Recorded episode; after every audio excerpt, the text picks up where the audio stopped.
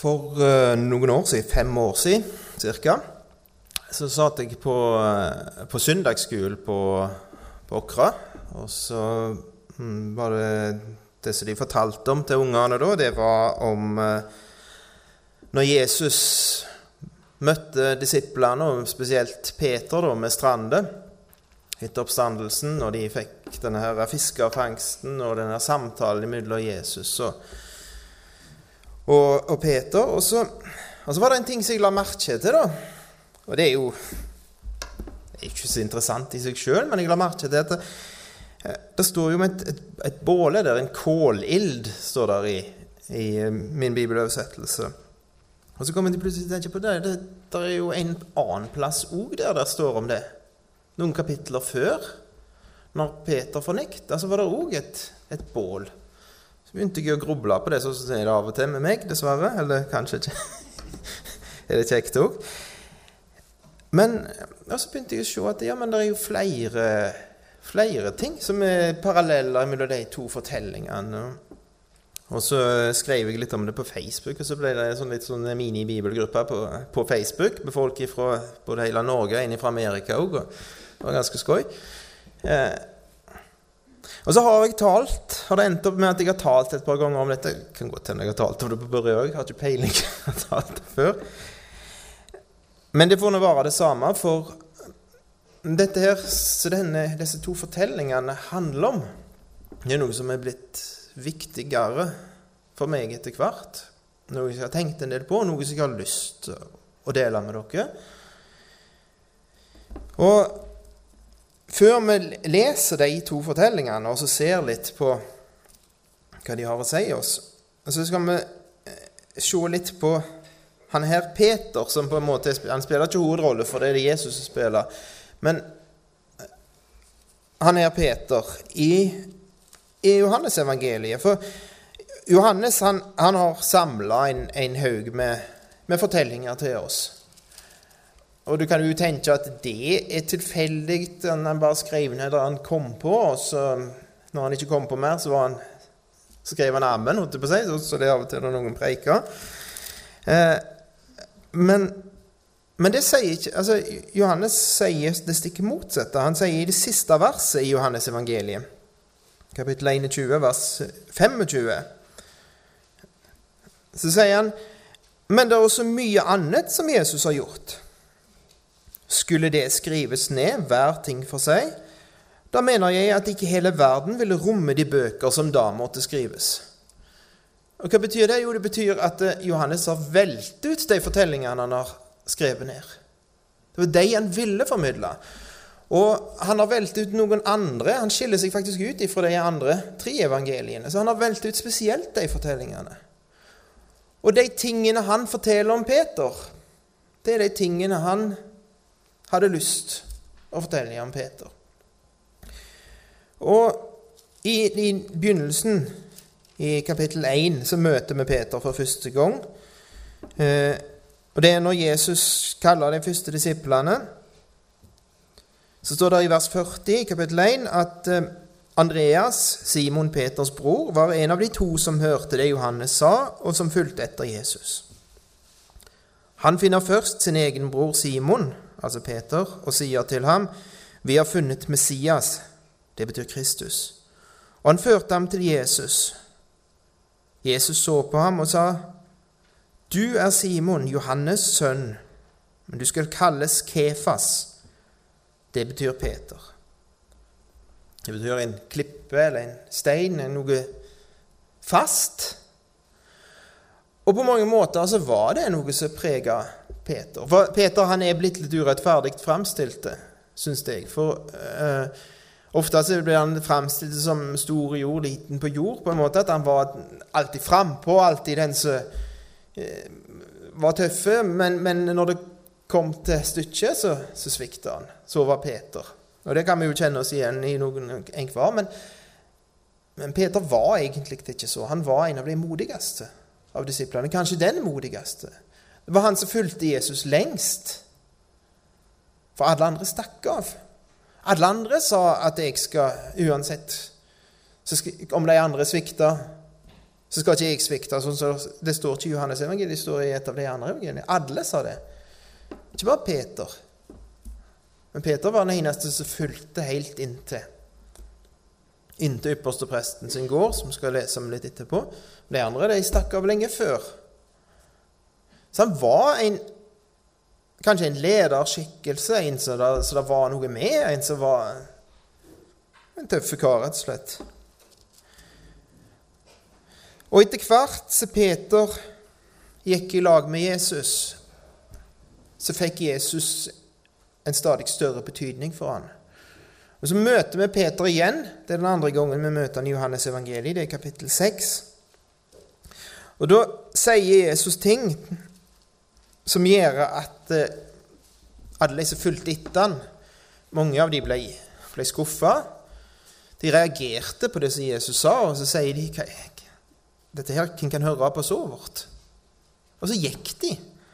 Men så sier Jesus i, vers, Johannes 6, vers 67 Jesus sa da til de tolv, vil også dere gå bort?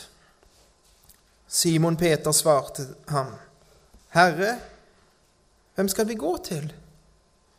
Du har det evige livsord, og vi tror og vet at du er Guds hellige. Peter var kommet der at jeg har ikke noe annet. Jeg kan ikke miste Jesus. Og hvis jeg mister han, så er det ikke mening i livet. Hva skal jeg da gjøre? Hva skal jeg gjøre uten han? Og Kanskje vi kan kjenne oss igjen i det òg. Og så møter vi Peter igjen i, i kapittel 13. Og da tar Jesus et, et vaskefat, og så begynner han å vaske føttene til disiplene. Og så reagerer Peter. Hva i all verden? Du skal ikke vaske mine føtter. Det passer seg ikke det at du skal ydmyke deg sjøl og vaske de skitne føttene mine. Denne lukta de òg. Du skal ikke gjøre det. Og så sier Jesus at ja, men, hvis jeg ikke får vaske føttene dine, så har du ikke del med meg. Da er det kommet noe inn imellom oss som at vi kan ikke være i lag, vi kan ikke ha fellesskap med hverandre. Og da sier, sier Peter nei, men det må jo ikke skje. Vask hele meg, da, ikke bare føttene. For jeg vil være sammen med deg, Jesus. Det er ingenting som betyr mer for meg enn å få lov å være sammen med deg. Og det er Peter, et hjerte som har fått tak i Jesus, som har blitt glad i Jesus. Og det er ingenting som er viktigere for Peter enn Jesus. Og så sier Jesus nei, du er rein, Peter, og dere er reine. Dere er blitt bada en gang for alltid. Men det er noen føtter som må vaskes. Av og til så kommer det noe imellom oss, mellom meg og dere. Og det må vaskes. Vaskes vekk. Og så litt seinere i samme, samme samtalen, samme begivenheten i kapittel 13, så begynner Jesus å si at han, han skal han skal gå bort, sier han. Og de forstår gjerne at det betyr at han skal dø. Og så, så sier Peter i vers 36.: Herre, hvor går du hen? Jesus svarte ham, Dit jeg går, kan du ikke følge meg nå, men du skal følge meg senere. Peter sier til ham, Herre, hvorfor kan jeg ikke følge deg nå? Jeg vil sette mitt liv til for deg. Jesus svarer, Vil du sette ditt liv til for meg? Sannelig, sannelig, sier jeg deg, hanen skal ikke gale, for du har fornektet meg tre ganger. Og Jeg kan tenke meg at det sokk i Peter når han hørte det. Det gjorde nok vondt. Men det er ikke sikkert at han skjønte det likevel. Hvor godt kjente Peter seg sjøl egentlig? Det kan vi lure på. Og Det, i alle fall, det jeg iallfall har lurt på, er hvor godt kjenner jeg meg sjøl egentlig? Altså, Vi vet jo alle det der nederste verset der. Alle har synda og står uten ære for Gud, som står i min oversettelse. Fattes Guds ære. Alle, alle synda. Det, det vet vi jo. Men vet vi det egentlig? Har vi forstått det? At det er meg det gjelder? Og når Jesus sier 'uten meg kan dere ikke gjøre noen ting' i Johannes 15, Vi vet det står der. Vi tror på det som fakta, for det står jo i Bibelen. Det er Guds ord, det har vi lært oss å stole på. Men har vi forstått det? Har jeg forstått det?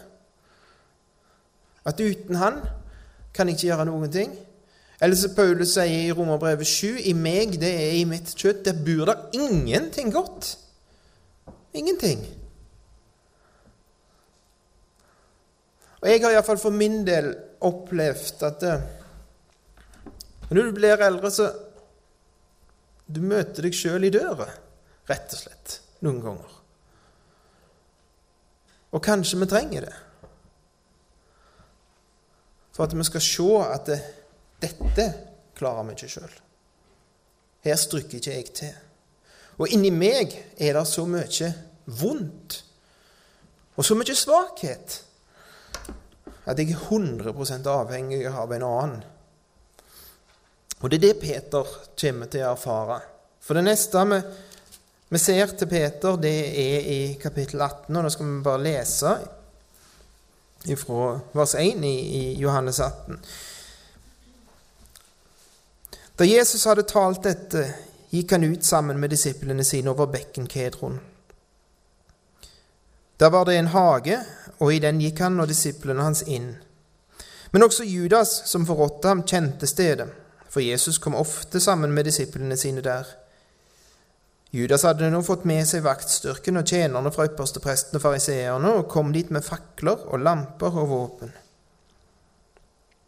Jesus visste om alt det som skulle skje med ham.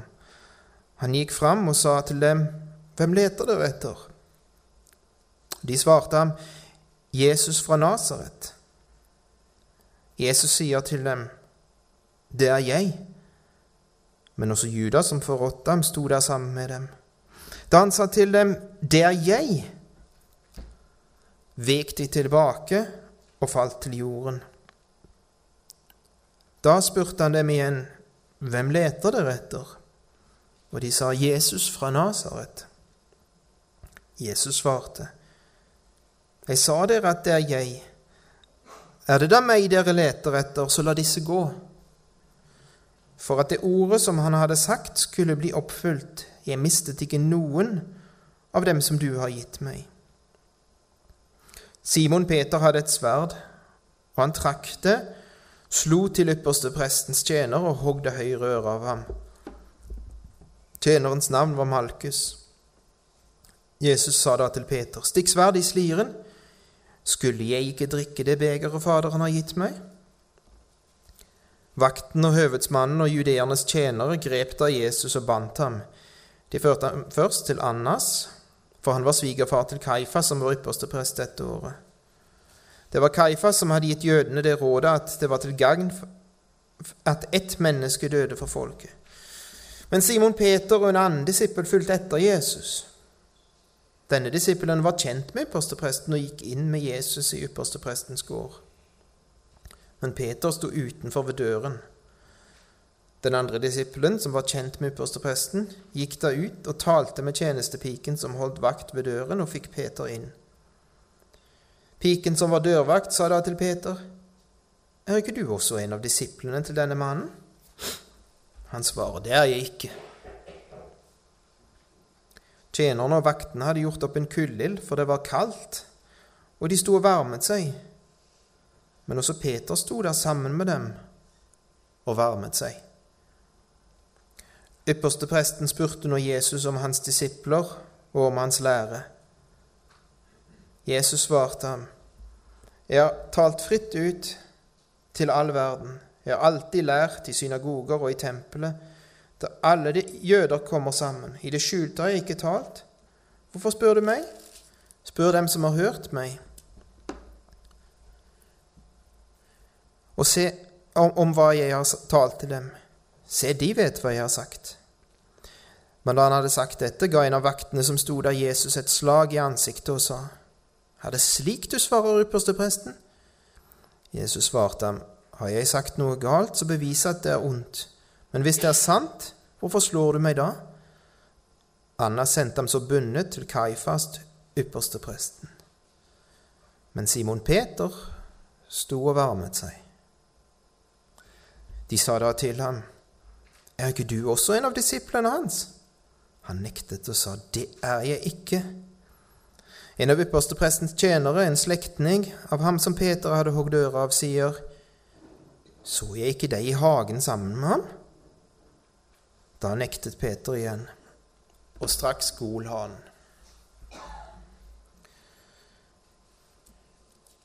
Og så møter vi Peter igjen når Jesus har stått opp, og så han og Johannes kappspringer nærmest til grave, og Johannes er lettere til beins. Kanskje pga. at Peter er tyngre til sinns. Det vet vi ikke. Men han gikk inn i grava, og så så han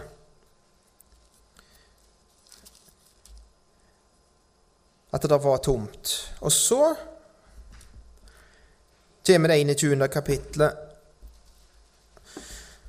og det skal vi også lese ifra. Siden åpenbarte Jesus seg igjen for disiplene ved Tiberias-sjøen, og han åpenbarte seg da på denne måten. Simon Peter, Thomas, som ble kalt tvilling, Nathanael fra, Gali fra Kana i Galilea og Sebedeus-sønnene og to andre av disiplene hans var sammen. Simon Peter sa da til de andre, Jeg går av sted for å fiske. De sier til ham, Vi går, med, vi går også med deg. De gikk av sted og steg i båten, men den natten fikk de ingenting. Da det alt le mot morgen, sto Jesus på stranden. Men disiplene visste ikke at det var Jesus. Jesus sier da til dem, Barn, dere har vel ikke noe å spise til brødet? De svarte ham, Nei. Han sa til dem, Kast garnet på høyre side av båten, så får dere fisk. De kastet det da ut, og nå maktet de ikke å trekke det opp, så mye fisk var det. Den disippel som Jesus elsket, sier da til Peter, Det er Herren. Da Simon Peter hørte at det var Herren, bandt han kappen om seg, for han var naken, og kastet seg i sjøen. Men de andre disiplene kom etter i båten. De var ikke langt fra land, bare omkring 200 alen, og de slepte garnet med fisken etter seg. Da de var steget på land, så de en kullild der som det lå fisk på, og brød. Jesus sier til dem, Kom hit med noe av fisken dere, dere nå fikk. Simon Peter gikk da om bord og dro garnet på land. Det var fullt av stor fisk, 153 stykker. Men enda det var så mange, hadde ikke garnet revnet. Jesus sier til dem, Kom og få dere morgenmat. Men ingen av disiplene våget å spørre ham, Hvem er du? For de visste at det var Herren. Jesus kommer og tar brødet og gir dem, og likeså fisken. Dette var tredje gang Jesus åpenbarte seg for disiplene etter at han var reist opp fra de døde. Da de hadde holdt måltid, sier Jesus til Simon Peter, Simon, Johannes' sønn, elsker du meg mer enn disse? Peter sier til ham, Ja, Herre, du vet at jeg har deg kjær. Jesus sier til ham, Fø mine lam. Igjen sier han til dem annen gang, Simon, Johannes' sønn, elsker du meg? Han sier til dem, Ja, Herre, du vet at jeg har deg kjær. Han sier til ham, Vokt mine får. Han sier tredje gang til ham, Simon, Johannes' sønn, har du meg kjær? Peter ble bedrøvet over at han den tredje gangen sa til ham, Har du meg kjær? Og han sier til ham, Herre, du vet alt, du vet at jeg har deg kjær. Jesus sier til ham, Fø mine får. Sannelig, sannelig, sier jeg deg, da du var yngre, bandt du selv opp om deg og gikk dit du ville. Men når du blir gammel, skal du rekke ut dine hender, og en annen skal binde opp om deg og føre deg dit du ikke vil. Dette sa han for å gi til kjenne hva slags død han skulle ære Gud med. Og da han hadde sagt dette, sier han til ham, Følg meg. Da Peter snudde seg, så han den at den disippel som Jesus elsket, fulgte med, han som ved nattverden lå opp til Jesu bryst og sa, Herre, hvem er det som forråder deg? Da når Peter ser ham, sier han til Jesus, Herre, hva da med ham? Jesus sier til ham, Vi vil at han skal leve til jeg kommer, hva angår det deg? Følg du meg.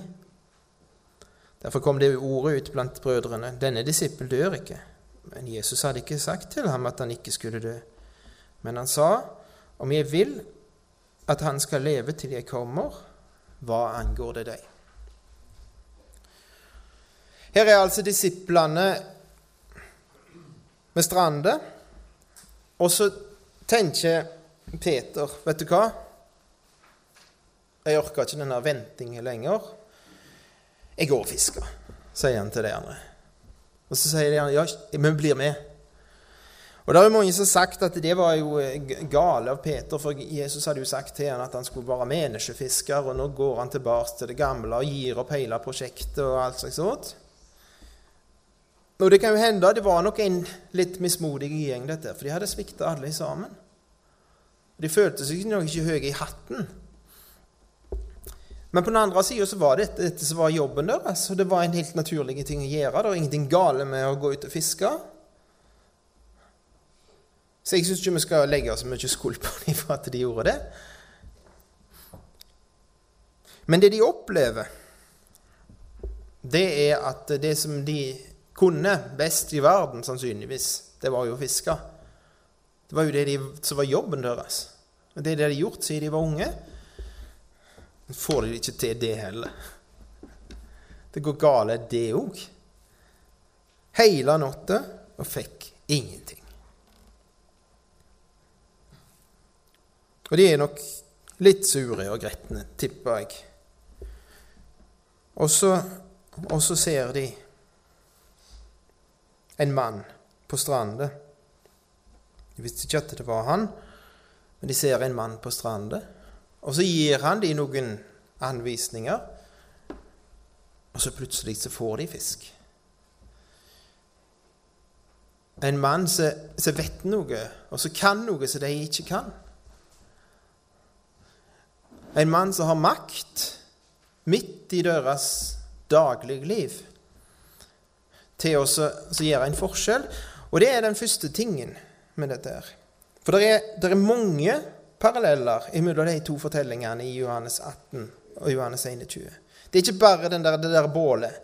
En, jeg tror at Johannes bevisst har skrevet det for at vi skal sammenligne disse fortellingene. For at det, det ordet 'kullild' som er brukt der, det har jeg slått opp på. Det er brukt to ganger, det greske ordet der, i hele Det nye testamentet. Og det er de to plassene. Og så har han strøtt rundt seg med mange andre ting òg, som vi skal se. For han vil at det sammenligner disse to. Og har jo, altså Alle har jo hørt om de der tre gangene Peter fornekta, og de tre spørsmålene han får fra Jesus. Men det, det er mer. Og Den første tingen det er at det er midt i en krisesituasjon, midt i en situasjon der det er fiendtlige mennesker, og der er, der er mørket har nådd sitt høydepunkt, så bruker Jesus makta si til å berge disiplene sine. For han sier et ord. Han sier egentlig 'jeg er', og så detter de til batchen, hele gjengen. Og så sier han, 'La disse gå'. Hvis det er meg dere vil ha tak i, så la disse gå. For at det skulle bli oppfylt. Jeg mista ikke noen. Han bruker makten sin midt i denne eh, ekstremsituasjonen. Det har vært litt sånn ekstremvær de siste dagene, visst. Tror jeg har opplevd det noen ganger før i livet. Storm om vinteren. Men, men det er ekstremsituasjoner i livet. Situasjoner som vi ikke rår med, situasjoner vi har ikke kjangs til å stille opp imot. Men så er det én som har makt, og en som kan si et ord. En som en gang sa et ord, og så ble havet blikkstilt. Her sier han et ord, og så detter fiendene til jordet, de som vil øyelegge. Og det som ligger i dette, er at hadde ikke Jesus gjort dette, så hadde det ikke gått bra med disse her. De hadde ikke tort den belastningen.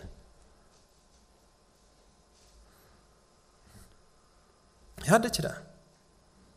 Og så gjorde Jesus noe for at belastningen skulle bli sånn at de kunne tåle han. Selv om Peter fornekta, selv om det tilsynelatende gikk gale, så kunne det gått verre. Og det kunne gått verre med meg og deg òg.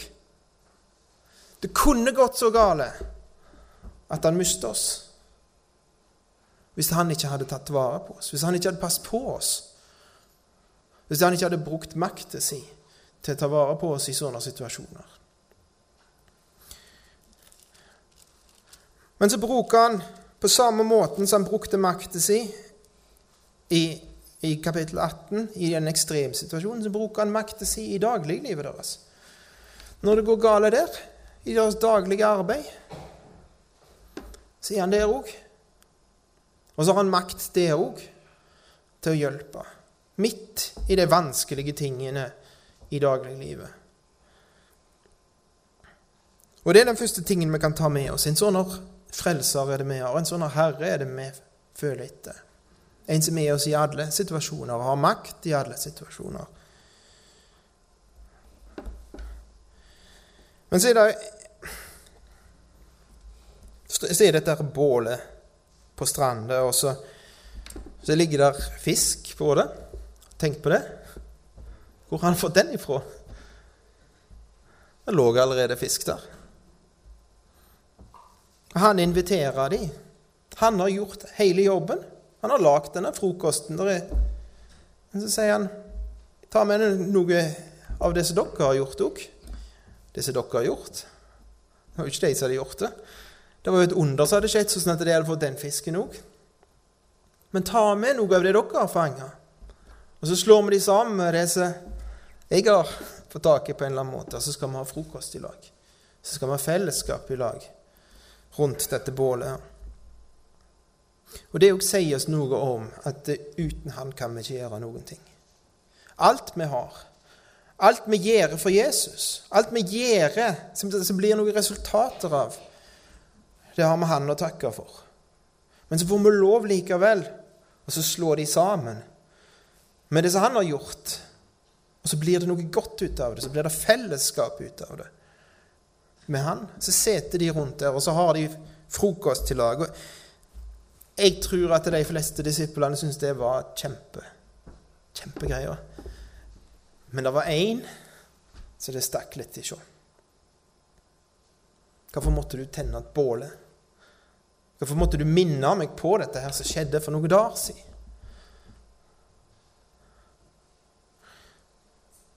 Og så blir det ikke med det. Det er ikke, det er ikke nok med det at, at han tenner dette bålet for å liksom pirke i samvittigheten til Peter. Men han Han går en liten tur med Peter. Kanskje litt til sides, jeg vet ikke. Og så sier han til han, du, Peter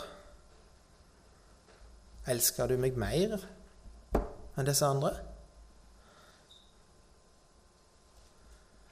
Så sier han ja, ja, du vet at jeg har deg kjær. Og her er det noen som, altså det er mange som har sagt, og jeg har kanskje sagt det sjøl òg Det er to forskjellige ord her på grunnteksten. Elska, agape, den her store guddommelige kjærligheten som vi har hørt. Og så, og så fileo, som er mer sånn den litt svakere, den vennskapelige kjærligheten. Og Det er mange gode taler som blir holdt om det, men for eh, et års tid siden så fikk jeg eh, ganske tydelig bevist av noen som hadde greia på det, at det stemmer ikke. De ordene er ett og det samme. De blir brukt i det ene evangeliet. Så blir Jesus sitert med agape, og samme setningen blir sitert med file, og i et annet evangelium. De er 100% synonymer så det er ikke det som er betydningen her, at Peter våger ikke å bruke det sterke ordet som Jesus bruker. Det som vi sier å elske eller å være glad i, det, det er samme greia. De sier, sier til kona at 'jeg er glad i deg', så er ikke det et svakere ord enn å si at 'jeg elsker deg'. Det betyr det samme. Men det som er, det som svir, er de tre spørsmålene. Tre ganger akkurat like mange ganger som han fornekter.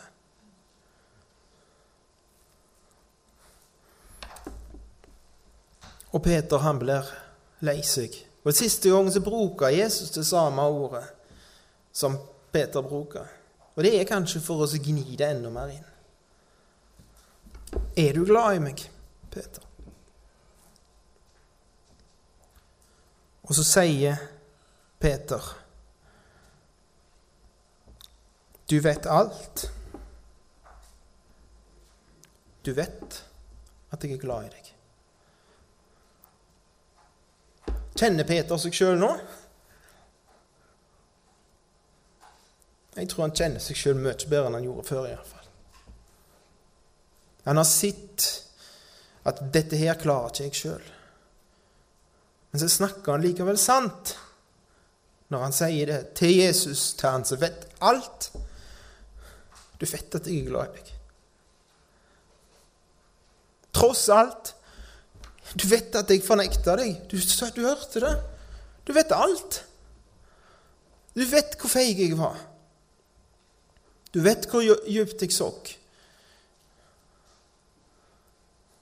Men du vet òg at jeg er glad i deg. Og så får Det er forresten en og en ting som er likt, for det står en plass i kapittel 18 at Jesus visste alt. Jesus visste alt som skulle, som skulle skje på forhånd. Det står i vers 4 i kapittel 18. Akkurat samme uttrykket. Jesus visste om alt, står det i min bibel. Det står egentlig akkurat det samme. Jesus visste alt om det som skulle skje. Han hadde full kontroll, han hadde stålkontroll på det som skulle skje. Men han lot det skje. Han lot Peter gå på trynet. Hvorfor gjorde han det? Kunne han ikke berge han ifra den ydmykelsen der? Kunne han ikke berge han ifra å møte seg sjøl i døra? Fra skammen? Ifra sorgen? Han kunne jo det. Men gjorde ikke det. Og det gjør han ikke med oss heller alltid. Han gjør det av og til, tror jeg, men han gjør det ikke alltid. For vi trenger det. Og han har betalt prisen for det. Han slipper oss løs i den verden vi lever i. Og lar oss ta våre valg og lar oss smake på konsekvensene av det. Konsekvenser som, er, er, som han måtte bære opp på korset. Og li straffe for. For at vi skal forstå at jo, alle har synda. Ikke bare alle, men jeg har synda. Og står uten ære for Gud. Uten Han kan ikke jeg gjøre noen ting. Jeg er hjelpeløs. Jeg trenger Han. Og har jeg ikke Han, så har jeg ikke håp. Det skal vi forstå, og det skulle Peter forstå. Jesus visste alt. Men så gir han Peter noen oppdrag her. Han gir Peter oppdrag om å fø lammene og vokte sauene og fø sauene. Altså dekk andre sine behov, Peter. Fra nå av så skal, du, skal din tjeneste være å dekke andre sine behov. Hva har det med saken å gjøre i denne sammenhengen her? Hva var det vi leste om Peter? Hva, for, hva forsto han med det bålet? Det som ble frista til å fornekte de to siste gangene han fornekta. Hvorfor var han der? Jo, han frøs. Det var kaldt. Det står to ganger. Han sto og varma seg. Han hadde et behov, et kroppslig behov. Og Noen av dere har sikkert hørt om Maslows behovspyramide, og den er visstnok ganske omstridt av de som greier på det. Samme det, men, men det er iallfall noen behov som vi mennesker har. Det er noen helt grunnleggende behov. Ifølge den pyramiden er den ligger helt på bånn. Det er det som har med med mat og klær. Og så kommer opp forbi, så kommer trygghet. Og det er jo hva hadde Peter behov for. Trygghet. Og derfor så vågte han ikke å si at han var en av de som fulgte til Jesus. Og så kommer det flere ting som kommer selvrealisering på toppen. Og det kan jeg mene akkurat hva en vil om, men, men det er Peters sine behov som styrer hva han gjør her. Men hans mest grunnleggende behov får lov å bestemme over han. Bestemme valgene hans, bestemme handlingene hans. Og så ender han opp med å fornekte Jesus. Og jeg og du har sikkert ikke stått der. Men kanskje vi har stått eller sittet i lag med kollegaer og så hatt anledning til å si noe om Jesus i en eller annen sammenheng, og så, og så har vi vært redde for hvordan de skulle reagere. Og så har vi titt stilt. Nå har vi behovet vårt for trygghet å gjøre. Behovet vårt for å ikke skjemme oss ut. Behovet vårt for å være en av de, en av gjengen, liksom. Ikke Det har jeg vært. Og så har vi andre behov som styrer oss. Og så er det ting vi trenger, ting i livet vårt, og så bryter vi med de prinsippene som vi trodde vi holdt fast med. Det vi trodde at det, dette står jeg for. Men så er det noe som blir så vanskelig, eller et behov som blir så sterkt. Og så tar vi snarveier, og så kommer vi med hvite løgner, for vi har ikke lyst til at noen andre skal få med seg det som vi har gjort, eller det vi har sagt, eller det, det som ligger der. Og så tenker vi gjerne at det, hvis, noen, hvis de visste dette Nei, dette må vi til å stille. Og så ligger det noe der. Det er så vi òg feller. Det er behovene våre for trygghet, for tilfredsstillelse, for å være anse for å være en, en, av fellesskapet, for å være en av gjengen, så at vi er jo dette på samme måten som Peter. Selv om vi ikke er i sånne ekstreme situasjoner som han var i, så er det den samme greia. Den samme greia med meg. Men så er det en som vet alt. Han vet det. Og så gir han oss ikke opp. Og så er han sånn at når vi innrømmer det, når vi tar, tar det fram i lyset, så slår han ikke hånda av oss. Og så sier han ikke til Peter Vet du hva, Peter? Jeg hadde store planer for deg. Jeg husker du det jeg sa? Om at du var en klippe. Jeg hadde tenkt at det, jeg skulle satse skikkelig på deg. Du skulle være en leder iblant disiplene, du, Peter. Men etter dette her, så vet jeg ikke om jeg kan stole på deg lenger. Jeg vet ikke om jeg kan bruke deg lenger, Peter. Når jeg vet det jeg nå vet om deg. Men Jesus visste alt lenge før. Han visste alt om Peter før han møtte han. Han visste at dette kom til å skje. Han visste alt om meg, han visste alt om deg. Og så står han der og så sier han til Peter du vet du hva, jeg skal bruke deg. jeg. Og så skal jeg bruke deg til det stikk motsatte av det du gjorde med det bålet der. For nå skal du være en sånn som dekker andre sine behov. Og så ikke bare det, Peter, men når du blir gammel. Hva betyr det? Det betyr at Peter var ikke gammel når Jesus snakket med ham. Han sier, det, er enkel logikk. sant? Når du blir gammel. Så han var ikke gammel da. Så det kommer til å gå noen år, Peter. Det er ikke sånt å se du forandra. Det kommer til å gå noen år. Men jeg skal jobbe med deg, Peter. Jeg skal ta meg av deg. Og når jeg er ferdig med deg, Peter, når du blir gammel så skal det ikke være dine behov som styrer deg lenger, og det er det du vil. For når du var unge, Peter, så gikk du der du ville. Du gjorde det du hadde lyst til. Og du lot være å gjøre det du ikke hadde lyst til.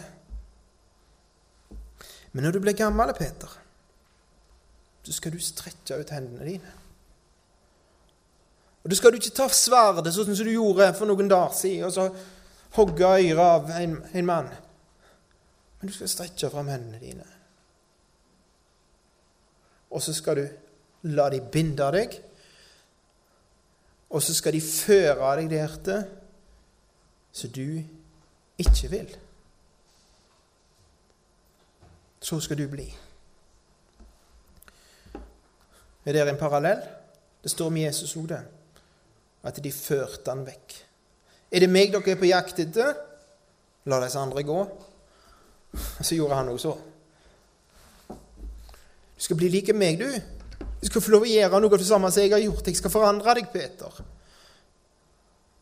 Og Det sier han til meg òg. Han sier, 'David, jeg skal forandre deg.' Når du blir gammel, så skal du ikke være sånn som du er i dag. Og det gir håp. Og det er håp for oss alle. Det er håp for de som har falt. For de som har noe de skjemmes av i livet. Så det er håp for det eneste som skal forandre oss. Og ikke bare det at han skulle gå den veien, men han skulle ære Gud med sin død. Dette skammens kapittel skulle være et tilbakelagt kapittel i Peters liv. Og så skulle enden på livet hans bli at Gud ble æra ved han. Og så sier han til Peter, 'Følg meg. Følg etter meg. Gå i mine fotspor.' Peter, Det sier Peter sjøl i, i brevet sitt. Det er noen fotspor som vi går i. I Jesu fotspor. Og så er det en annen disippel, og han disippelen finner vi også i kapittel 18. Ser dere at det henger, det henger sammen her? Samme disippelen finner vi i kapittel 18. Han som kjente Det står to ganger at han kjente ypperstepresten. Han var i en litt annen situasjon han enn Peter. Det var ikke de samme tingene som ramma han. Han kom ikke i den der situasjonen der han ble preste sånn som Peter ble preste. For han kjente ypperstepresten. Det var en venn av familien eller et eller annet. Og så sier, så sier Peter men han, han her, hva, med han? Hvordan skal det gå med han? Så sier Jesus, hva angår det deg? Det er ikke din sak hvordan det går med han, og hva han skal møte. Følg du meg. For det som er, det er at vi går gjennom forskjellige situasjoner i livet. Vi er forskjellige, og vi har en forskjellig vei i lag med Jesus. Men hver eneste en av oss går han med hele veien. Og vi kan få lov å gå og følge etter han hele veien. Og når vi går i de fotsporene, så blir vi forandra av han. Så vi ligner mer og mer på han. Blir vi fullkomne til slutt da? Peter svikta igjen. Peter feiga ut igjen, leser vi om i Galaterbrevet. Hadde det i seg. Vi har det i oss, vi òg. Den som står, se til at han ikke feller, står der en annen plass. Men likevel så er det en forandring. Og så kan vi få lov å ære Gud med livet vårt, vi som har noe å skjemmes over. Og så trenger vi ikke skjemst, for det var en som tok straffe for oss. Og så den siste tingen Det står om noe fisk.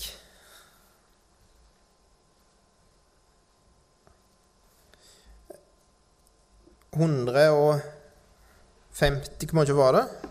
153 stykk. Og det er det mange som har spekulert på hva det skal bety. Er som heter uh, eh, D.A. Carson som sier det at uh, i boken sin om Johannes evangeliet så sier han det at uh, det er ca. like mange forslag til hva 153 betyr, så det var fiskere i det gadene. Og hvis Johannes mente noe med det, så har han iallfall gjemt det godt. Og det stemmer. Men det er likevel noe her. For det står ennå det var så mange i vers 11, hadde ikke gaden revna. Hva hadde skjedd hvis gaden revna? Jo, noe av fisken hadde gått tapt. Eller all fisken hadde gått tapt. Men det var 153 stykk som lå der på stranda. Alle 153 som var i de gatene, lå der på stranda. Alle. Mangla ikke én. Er det noe sammenheng med kapittel 18? Leste vi ikke det at eh, i vers 9 For at det ordet som han hadde sagt, skulle bli oppfylt Jeg mistet ikke noen av dem du hadde gitt meg. Jeg mistet ikke noen. I Johannes 6 så sier Jesus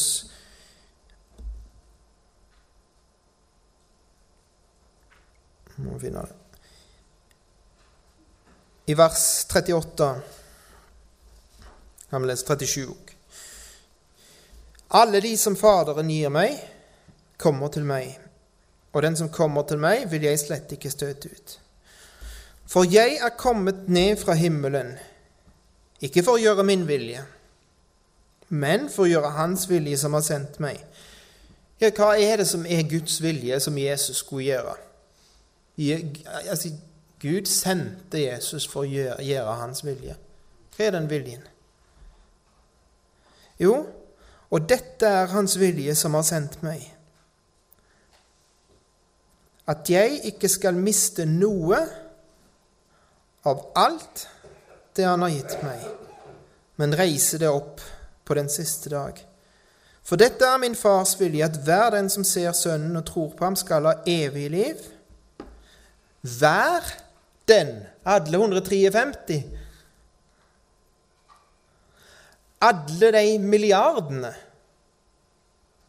Som kanskje er, som har sett sin lit til Han, sier den dagen. Det er ikke én av de som skal mangle. Jeg skal reise ham opp på den siste dag. Jeg mister ikke én. Han sier det når han ber i, i, i kapittel 17. Jeg har ikke mistet. Og nå overgir jeg de til deg. Nå må du ta deg av de. Nå skal jeg til korset. Han mister ikke en. Han skal ikke miste en eneste en av oss heller. Ja men, ja, men vi kan jo svikte. Ja, men vi kan fedle. Ja, Peter òg svikta. Han visste det. Han vet alt. Og Derfor så skal han ikke miste en eneste en. Takk, Far, for at du sendte sin sønn og frelser. En sånn frelser som jeg trenger, en sånn frelser som vi trenger alle. Takk for at det er håp for oss som har noe å se tilbake på som vi skulle ønske aldri hadde skjedd. Takk for at det der er gjenopprettelse. Takk for at du er en god Gud, og takk for at du ikke vil at noen av oss skal gå fortapt. Du har sørget for at det ikke skal skje. Og så må du hjelpe oss å gå nærme deg i dine Gå tett i dine fotefar, i Jesus sine fotefar. At vi kan ligne mer på han. At vi kan bli forandra. Takk at du vil forandre oss, at du ikke er en sånn som bare gir oss opp. Takk, Herre Jesus, for at vi var deg som hyrde